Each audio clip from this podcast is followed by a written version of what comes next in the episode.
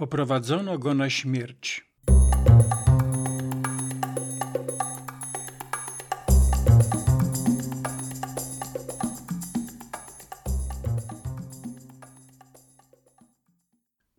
Od godziny za oknem szalała dzika wichura. W pewnej chwili na parapetach zagrzechotały grube krople deszczu.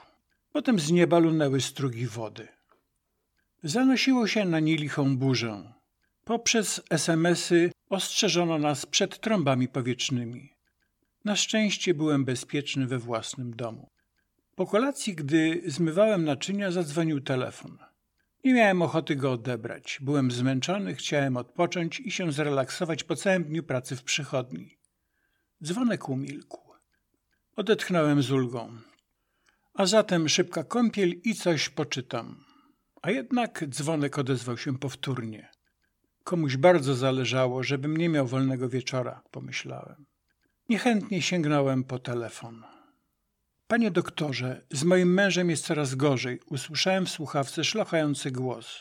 Poznałem panią Martę, która mieszkała na sąsiedniej ulicy.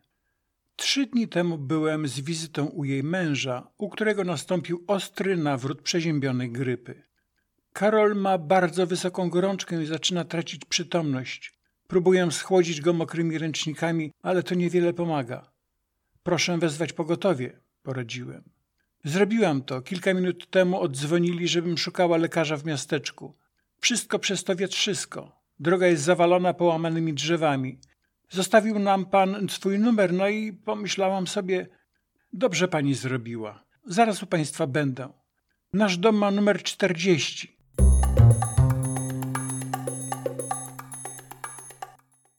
Nie ukrywam, że w tamtej chwili spojrzałem wystraszony na zalane deszczem okno.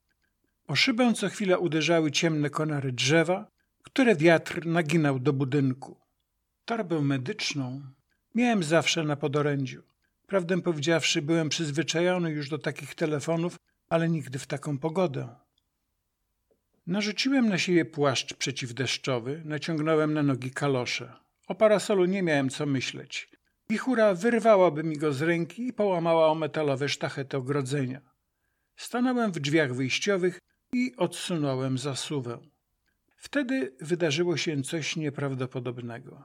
Kiedy miałem wyjść na ganek, wiatr nieoczekiwanie umilkł.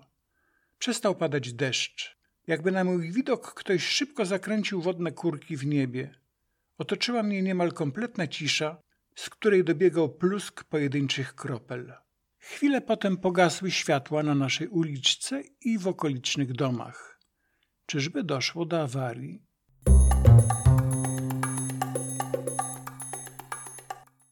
Ruszyłem przed siebie szybkim krokiem, zanim ktoś na górze nie rozmyśli się w sprawie deszczu. Z naszej uliczki skręciłem w łącznik między dwiema willami. Znalazłem się na sąsiednim zaułku. W którą stronę powinienem iść? U pani Marty byłem za dnia, jednak po zmroku wszystko wyglądało tu inaczej. Skręciłem w prawo. Wkrótce w świetle księżyca odnalazłem na murze tabliczkę z numerem 40. Drzwi były pomalowane na niebiesko, dokładnie jak to zapamiętałem z poprzedniej wizyty. Wbiegłem po kilku stopniach, zadzwoniłem. Niemal natychmiast otworzyła mi zapłakana kobieta. W ręku trzymała świecę. Proszę za mną, wskazała wzrokiem na schody. Karol leży na piętrze. Ruszyliśmy na górę. Dzwoniłem do księdza, ale on też leży w gorączce. Obiecał, że jutro rano do nas przyjdzie. Do tego czasu chyba nic się nie wydarzy, prawda? Odwróciła się i spojrzała niepewnie. Mąż ma silny organizm. Poradzi sobie z chorobą. Próbowałem ją pocieszyć. W sypialni panował półmrok. Pani Marta wcisnęła świecę do lichtarza na szafce nocnej. Kiedy stanąłem przy łóżku, chory odwrócił twarz w moją stronę. W blasku ognia zobaczyłem oczy, które szkliły się od wysokiej gorączki. Nie byłem nawet pewien, czy pacjent rozpoznał, kim jestem. Zostaw nas samych, powiedział do żony zmęczonym głosem. Musimy się rozmówić. Szybciej, ponaglił kobietę. Nie mam już za wiele czasu. Może wcześniej chociaż zmienię ci kompres na czole. Kobieta wyciągnęła rękę, ale leżący pokręcił przecząco głową. To nic nie da. Pan Karol zagryzł wargi, gdy spojrzał w stronę drzwi. Ja swoje wiem, ona już tam na mnie czeka.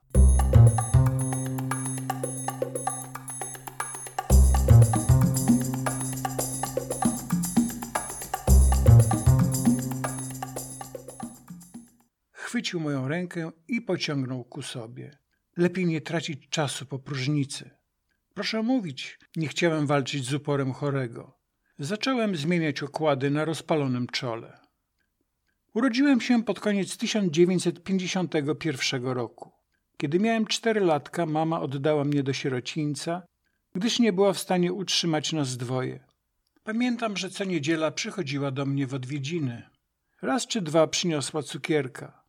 Teraz wiem, jak bardzo musiała cierpieć, gdy po spacerze odprowadzała mnie do szarego domu, gdzie mieszkałem z innymi dziećmi. Zawsze wtedy miała łzy w oczach. Przez cały ten czas powtarzała, że mój ojciec był dobrym człowiekiem i oddał życie za jubilera Sawickiego.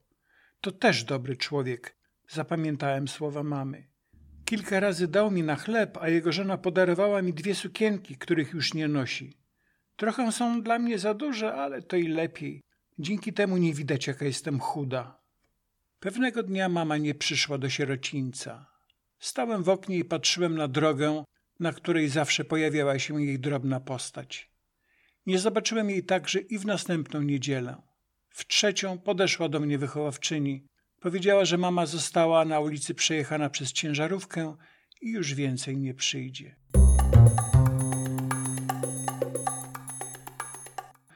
Nigdy w to nie uwierzyłem. Nawet gdy byłem starszy, zawsze w niedzielę stawałem w oknie o dwunastej w południe i patrzyłem na drogę. Kiedy skończyłem 18 lat, opuściłem mury domu dziecka. Trafiłem do hotelu robotniczego. W dzień pracowałem, a wieczorami uczyłem się w zawodówce. Potem było technikum, matura. Po ośmiu latach pracy w związkach zawodowych przyznano mi kawalerkę. Powoli zakotwiczyłem się w życiu. Pewnego dnia, gdy szedłem marszałkowską, podszedł do mnie nieznany mężczyzna. Mógł mieć góra czterdzieści lat. Henryk? krzyknął niedowierzającym głosem. Uściskał mnie serdecznie. Potem dodał z wyrzutem: Dlaczego się nie odzywałeś? Przecież miałeś mój adres. Dopiero teraz zaczął mi się przyglądać uważniej. No i chłopie, wcale się nie zmieniłeś. Co tak na mnie patrzysz? To ja, Wiesiek Malinowski. Chyba mnie pan z kimś pomylił. Nazywa się pan Henryk, dalej wymienił moje nazwisko. Kiedy potwierdziłem, znowu się uradował, więc to nie jest pomyłka. Dotarło do mnie, że nieznajomy bierze mnie za mojego ojca. Przypomniałem sobie, że mama często powtarzała, jak bardzo jestem do niego podobny. Jeśli mówi pan o tacie, to w 1951 roku ubecy zabrali go rano z domu. Od tamtej pory przepadł po nim ślad i nikt już o nim nie słyszał. Och, no tak, ale jestem głupi. Mężczyzna puknął się w czoło. A potem popatrzył na mnie z zastanowieniem. Więc jesteś jego synem. I wiesz tylko tyle o ojcu? A powinienem więcej? Pan Eusebiusz Malinowski wskazał pobliski park. Wkrótce zajęliśmy miejsca na jednej z ławek. Dowiedziałem się, jak to obaj poznali się w czasie okupacji. Trudny czas połączył ich więzami serdecznej przyjaźni. W końcu obaj byli tramwajarzami, więc po wojnie wrócili do starej firmy. Pewnego poranka, 11 stycznia 1951 roku, podobnie jak po tatę, przyszli po niego funkcjonariusze Urzędu Bezpieczeństwa Publicznego. Zawieziono go do więzienia na Rakowiecką. Tam trafił do wspólnej celi z sześcioma innymi aresztantami, wśród których był mój ojciec. Pod wieczór zjawił się facet z UB. Był w dobrym humorze, najwyraźniej po wódce. Ustawił wszystkich pod ścianą.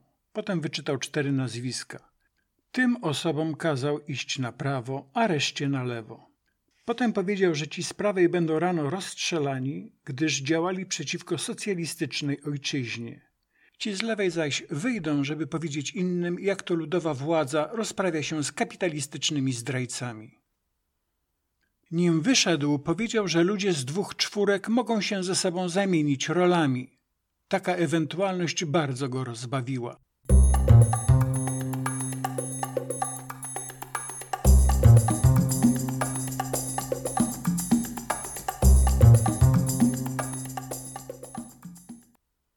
Ojciec znalazł się wśród szczęśliwców, którzy mieli przeżyć. W pewnej chwili z grupy, którą wyznaczono do rozstrzelania, na środek celi wyszedł mężczyzna w okularach. Zaczął błagać o życie. Mówił, że ma małe dziecko i chorą żonę. Jednak nikt nie zwracał na niego uwagi. Wtedy powiedział, że jest bardzo bogatym człowiekiem. Był jubilerem i miał na nazwisko Sawicki. Powiedział, że ozłoci rodzinę tego, kto zamieni się z nim na życie. Przysięgał na Boga i Najświętszą Panienkę. Wówczas mój ojciec nieoczekiwanie zgodził się na przyjęcie propozycji. Jednak wymusił, żeby Sawicki w obecności wszystkich powtórzył przysięgę. Jubiler zrobił to i na koniec się przeżegnał. Ojciec już wówczas był ciężko chory na gruźlicę, która wtedy była nieuleczalna. Zamienił się z Sawickim dla pieniędzy. Dzięki temu chciał zapewnić mamie godne życie. Już wtedy bowiem była ze mną w piątym miesiącu ciąży. Sawicki wziął jej adres. Rano wszystkich wyznaczonych do rozwałki zabrali z celi. Dwie godziny później resztę wypuszczono na wolność. Co z jubilerem? Dotrzymał słowa? Dopytywał się pan Malinowski. Potem dodał, że niedawno widział go przez szybę mijanego po drodze Lombardu. Ten znajdował się dwie ulice stąd. Co prawda nie pracuje na swoim, ale wygląda jak pączek w maśle. Na tabliczce personelu zobaczyłem, że jest kierownikiem sklepu. A teraz spotykam ciebie. To nie może być przypadek.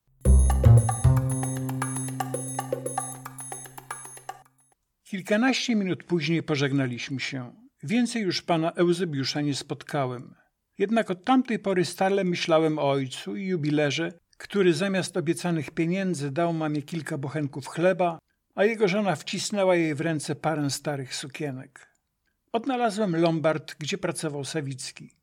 Zacząłem chodzić za nim krok w krok. Początkowo nie bardzo wiedziałem, po co to robię. Chciałem o tamtym wiedzieć wszystko: gdzie mieszka, czy ma dzieci, kto jest jego żoną, czy jego rodzice żyją. To była jakaś obsesja. W 1969 roku Sawicki otworzył skromny warsztat jubilerski. Z czasem jego biznes zaczął się rozrastać. Zagierka, kiedy poluzowano nieco prywatnej inicjatywie, urósł w piórka i przestał kryć się z zamożnością. Z czasem wiedziałem o nim wszystko. Aż pewnego dnia zobaczyłem go w popularnym w tamtych latach programie telewizyjnym Teleechu. Przedstawiono w nim ludzi sukcesu. Zaskoczony słuchałem, jak opowiadał, że w czasie wojny pomagał ludziom. Parę osób nawet uratował z pawiaka.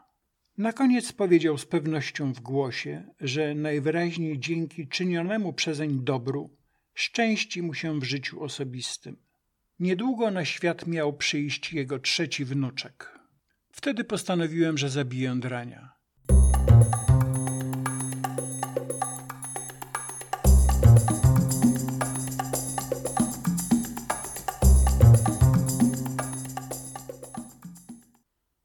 On obiecał mojemu ojcu, że za swoje życie zapłaci pieniędzmi. To pozwoliłoby mamie godnie żyć. Nie musiałaby oddawać mnie do sierocińca.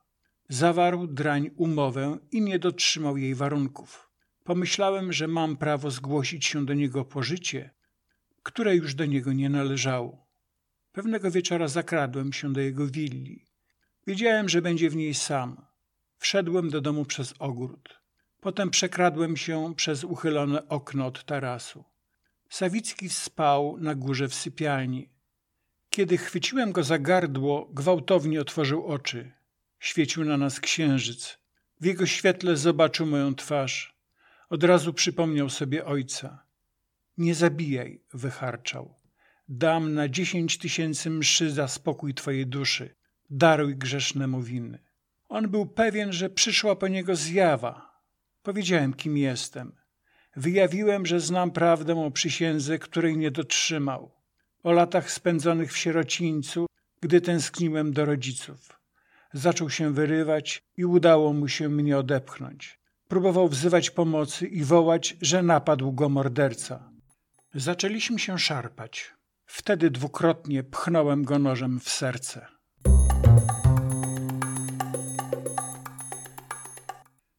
Słyszałem syk palącej się świecy, która stała na szafce obok. Umierający przez cały czas patrzył na mnie szklanym od wysokiej temperatury wzrokiem. W jego oczach była nadzieja i ogromny smutek.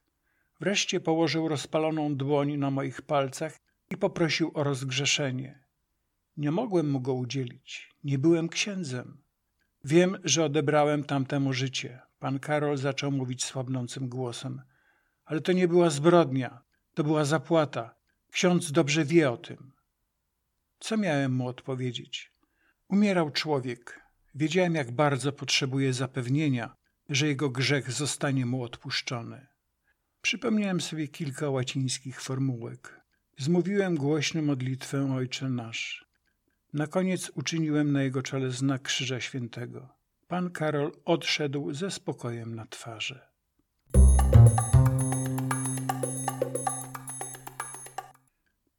Miesiąc później przechodziłem obok domu, na którego murze pojawiła się tablica pamiątkowa.